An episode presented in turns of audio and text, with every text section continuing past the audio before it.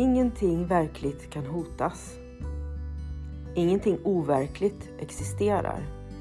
Här i ligger Guds frid.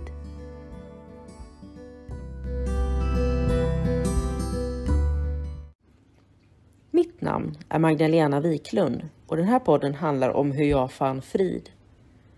Allting har sin grund i Helen Schuckmans uppenbarelser då Jesus dikterade det som sedan skulle bli boken en kurs i mirakler för henne. Jag kommer att referera både till kursen och till Bibeln eftersom Helen fick så mycket förklarat för sig av Jesus om hur vi egentligen bör tolka Bibeln.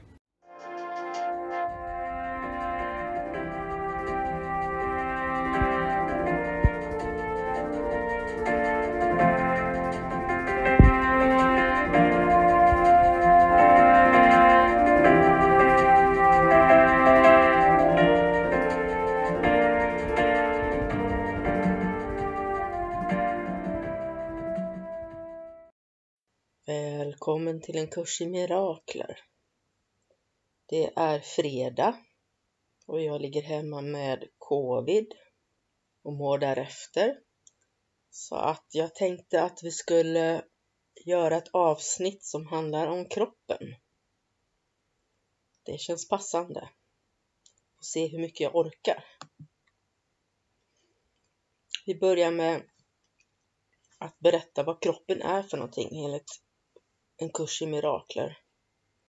Och om man tittar i arbetsboken efter lektion 259 så finns det ett stycke där som handlar just om vad är kroppen? Kroppen är ett stängsel som Guds son inbillar sig att han har byggt för att separera delar av sitt själv från andra delar. Det är innanför detta stängsel som han tror att han lever för att dö när det förfaller och smulas sönder.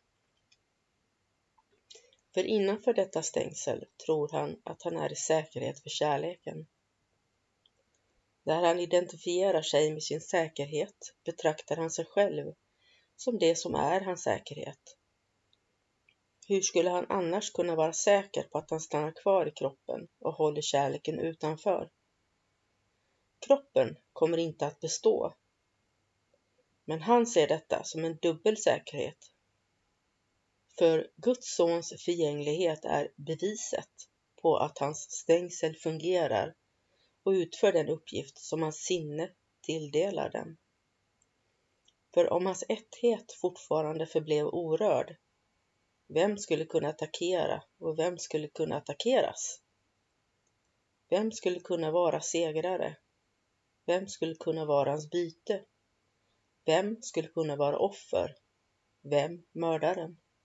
Och om han inte dog, vilket bevis skulle det finnas på att Guds evige son kan tillintetgöras? Kroppen är en dröm. Liksom andra drömmar tycks, tycks den ibland ge en bild av lycka. Men helt plötsligt kan den återgå till rädslan där varje dröm föds. För enda kärleken skapar i sanning och sanning kan aldrig hysa rädsla. Kroppen som är gjord för att väcka rädsla måste tjäna det syfte som den givits. Men vi kan ändra det syfte som kroppen kommer att lyda genom att ändra det som vi tror att den är till för.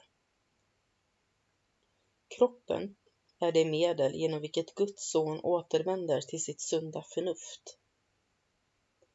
Fastän det gjordes för att stänga honom inne i helvetet utan möjlighet att undkomma har likväl himlens mål ersatt jagandet efter helvetet. Guds son sträcker ut sin hand för att nå sin broder och för att hjälpa honom att vandra vägen fram tillsammans med honom. Nu är kroppen helig. Nu tjänar den till att hela det sinne som den gjordes för att döda. Du kommer att identifiera dig med det som du tror ska göra dig trygg. Vad det än kan vara kommer du att tro att det är ett med dig. Din trygghet ligger i sanningen och inte i lögner Kärleken är din trygghet. Rädslan existerar inte. Identifiera dig med kärleken och du är trygg. Identifiera dig med kärleken och du är hemma. Identifiera dig med kärleken och finn ditt själv.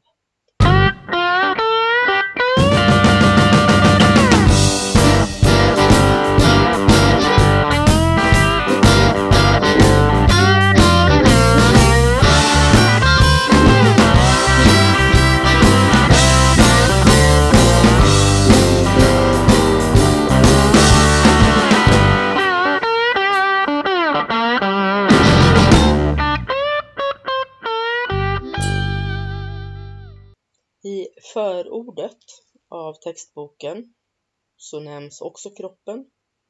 Det står att varseblivningen är en kroppslig funktion. Och varseblivning, det är ju vårt sätt att se när vi inte ser genom Kristi ögon. Därför är det en kroppslig funktion. Vi ser och hör genom kroppen, vilket innebär att vi har kroppsliga begränsningar. Kroppen svarar bara på sinnets avsikter. Så frågan är vilka avsikter har du?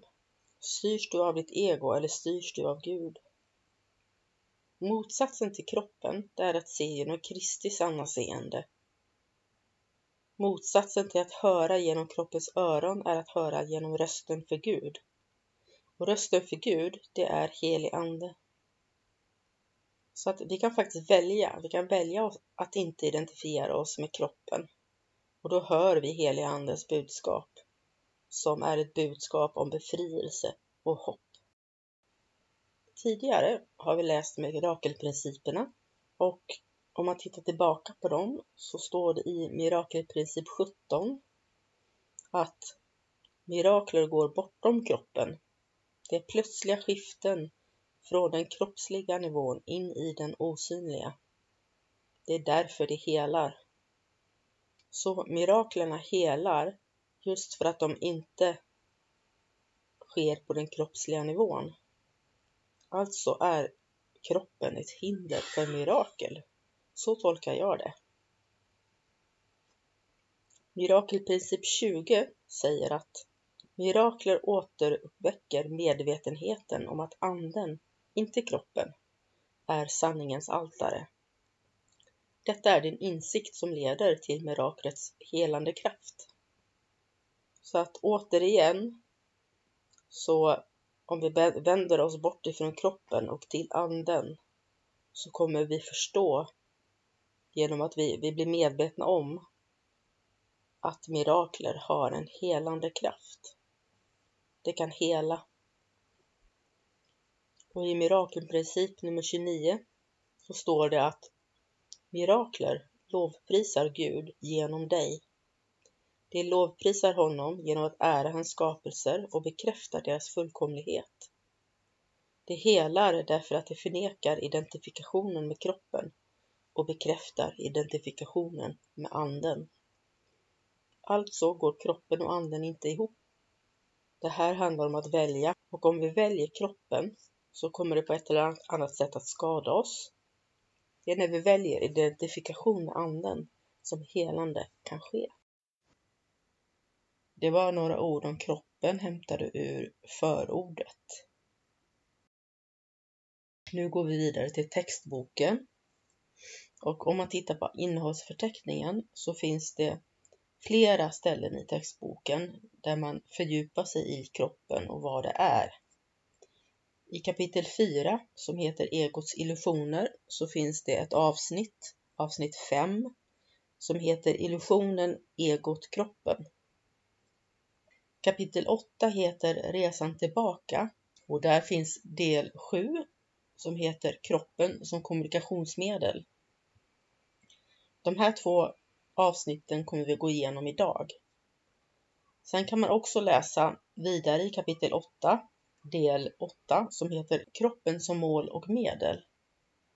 Vidare i kapitel 18, som heter Drömmens slut, finns det ett avsnitt som heter Bortom kroppen. Det är del 6. Och i kapitel 19 som heter Att uppnå frid presenteras de fyra hindren för frid. Och där så finns det som kallas för 4B. Eh, hinder 4B eller del 4B. Det är det andra hindret och heter övertygelsen om att kroppen är värdefull på grund av vad den erbjuder medan del 4c är det tredje hindret som heter Dödens dragningskraft. Och en underrubrik till Dödens dragningskraft är just den oförgängliga kroppen. Men vi tittar på de två första idag och vi börjar med kapitel 4, Egots illusioner och går till del 5 som handlar om illusionen egot kroppen. Där alltså egot kroppen är en illusion. Det är ett bindestreck kan man säga. Ett sånt här långt bindestreck mellan egot och kroppen här. Vårat ego är ju väldigt obalanserat, vilket jag är säker på att alla mina lyssnare också vet. Vi kan vara väldigt obalanserade som människor ibland och då har vi ju valt att gå med egot. Och det här beror på att egot kan inte skilja mellan kroppen och Guds tankar. Egot är alltså vansinnigt. Enligt Guds tankar så finns inte egot. Och det här gör egot alldeles skräckslaget för Gud Gud upplevs som hotfull eftersom det faktiskt hotar med att utrota egot. Av den anledningen har egot valt att använda sig av kroppen som sitt hem. Det uppfattas som tryggt, eh, bland annat för att kroppen är sårbar. Vi blir ju rynkiga och eh, rundare och i mitt tycke kanske också fulare när vi blir äldre. Eh, vi blir sjuka och gamla så dör vi och kroppen förruttnar. Det är att vara sårbar. Vi pratar om våra äldre som är sårbara. Eh, och det här bevisar för egot, med ordet bevisa inom situationstecken, att vi inte kommer från Gud. Och hur skulle vi kunna göra det om, om vi dör, förruttnar? Samtidigt så hatar egot också våran kropp. Därför att den, den är inte bra nog för egot att vara i. Och det här som är två helt olika sidor av, av egot leder till att vårat sinne blir förvirrat. Egot talar om för oss att sinnet är en del av kroppen.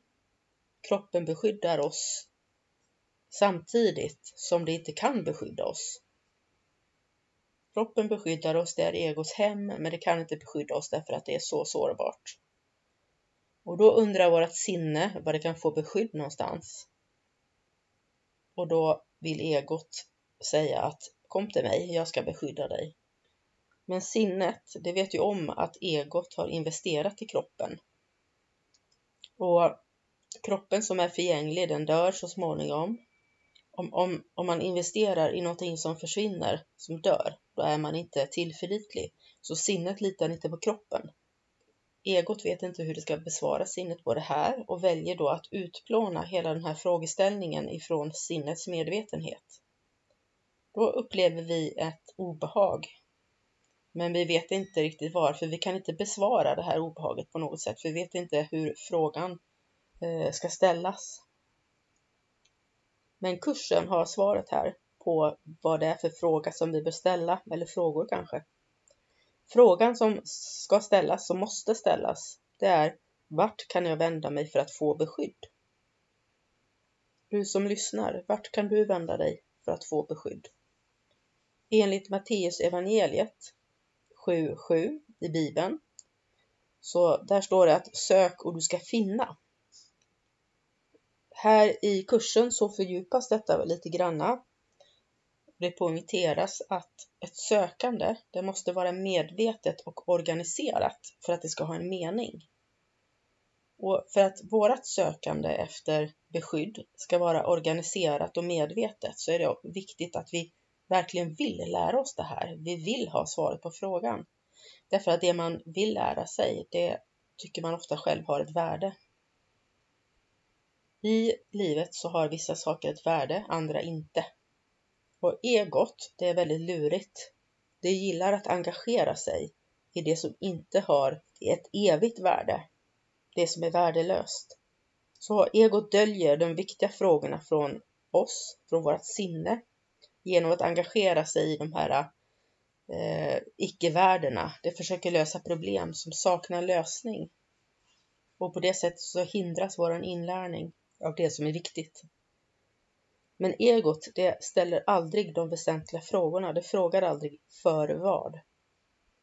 Därför så måste du alltid fråga dig för vad. Vad är syftet? Om du gör det så kommer det här att styra dina ansträngningar för vad du vill uppnå. Så att du uppnår det du faktiskt vill uppnå. Vad är det du vill uppnå? tar en liten paus och sen går vi vidare till kapitel 8.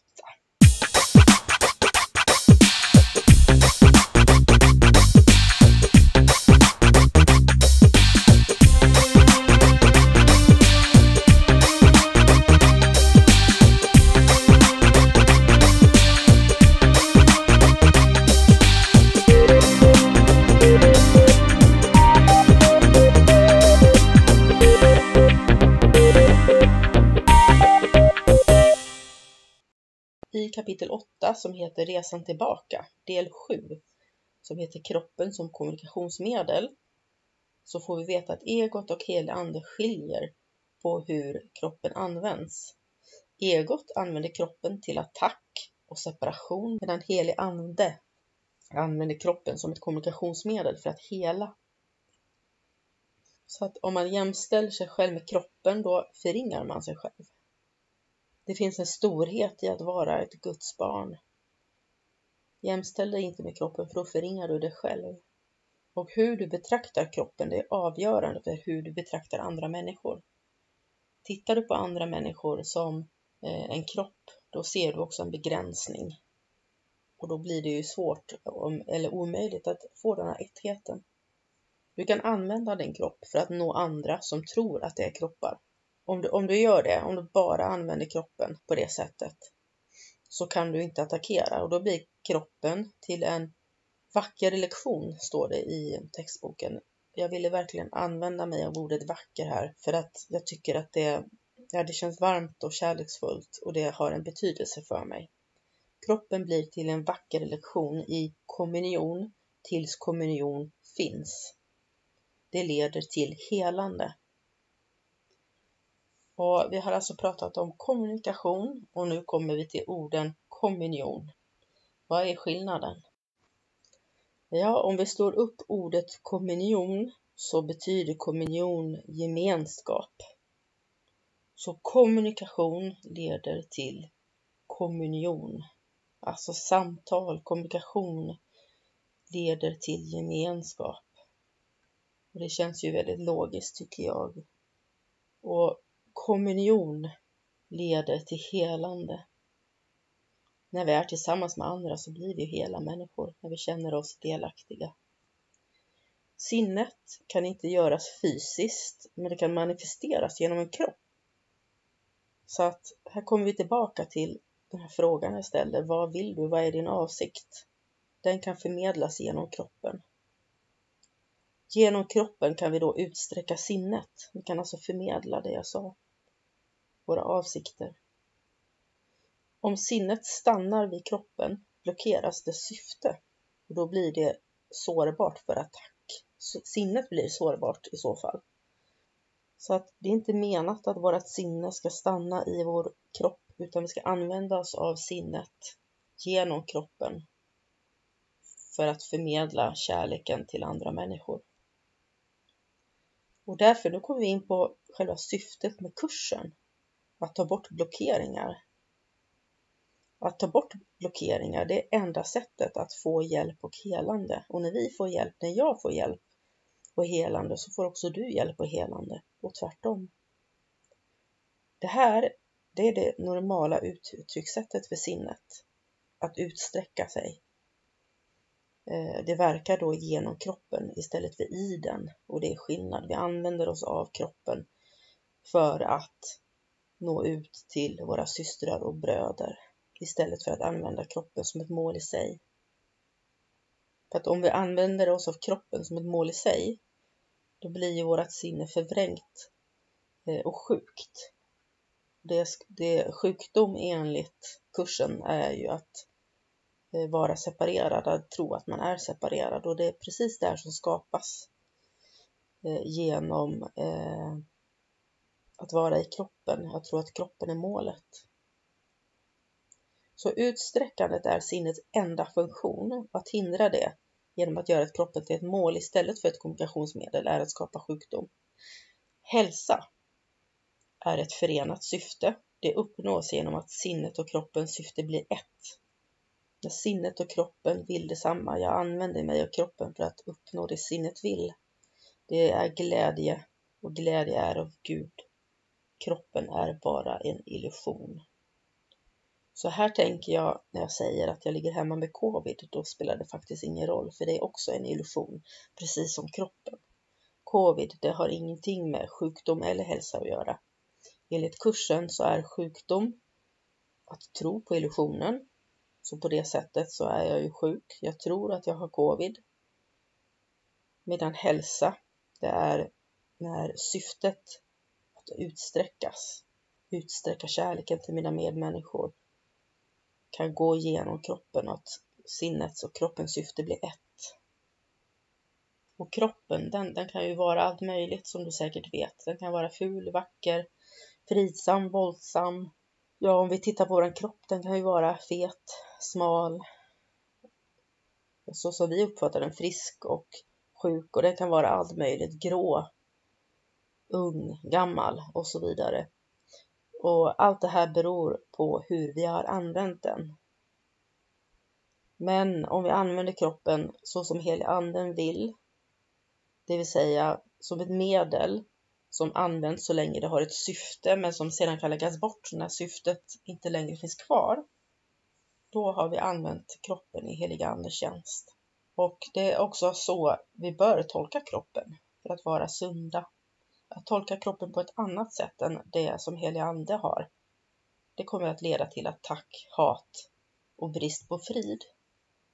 Eh, så som vi uppfattar det. Och det här är ju definitionen på sjukdom. Men kursen nämner ju också det här att förlust är omöjlig. När, du har förlorat din broder genom ditt synsätt förlorar du dig själv. Alltså om du tittar på dina medmänniskor som separerade från dig själv, ja då har du ju separerat dig själv också. Och att attackera din broder, din syster, det är att attackera dig själv. Därför att ni är ett. Så om du ser din bror som en del av dig och att han är helig, då kan du också se att du är en del av helig ande, av Gud, av Jesus och att du är helig. Och det här är för att Gud har bestämt det. Du kan inte göra någonting av dig själv. Därför att du är inte av dig själv, du är av Gud. Så att allting som vi tror om kroppen är en illusion. Och kursen erbjuder oss ett sätt att vakna ur den här illusionen och komma tillbaka till Gud. I Johannes evangeliet 1.1 i Bibeln så står det att ordet blev kött. Och enligt kursen så är ju det här omöjligt. Vad som avses här är att tanken blev kött. Guds tanke är kommunikation. Och det är ju det vi använder kroppen till. Det är det enda naturliga användningssättet. Om vi använder kroppen på rätt sätt så kan den del av sinnet, av vårat sinne, som vi upplever som åtskild från Gud, återvända till anden. Då blir ju kroppen på det sättet helig. Det blir andens tempel. Det står någonstans, tror jag, i Bibeln, jag vet inte var just nu, att kroppen är heliga andes tempel. Och här har vi då förklaringen. Vi kan använda kroppen på ett sådant sätt att vårt förvillade sinne kan återvända till anden och bli ett. Och då finns anden i vår kropp. Det är den heliga andes tempel. Och därmed kommer också hängivenheten för egot ersättas av hängivenheten för Gud. Och då blir våran kropp ett tempel för Gud.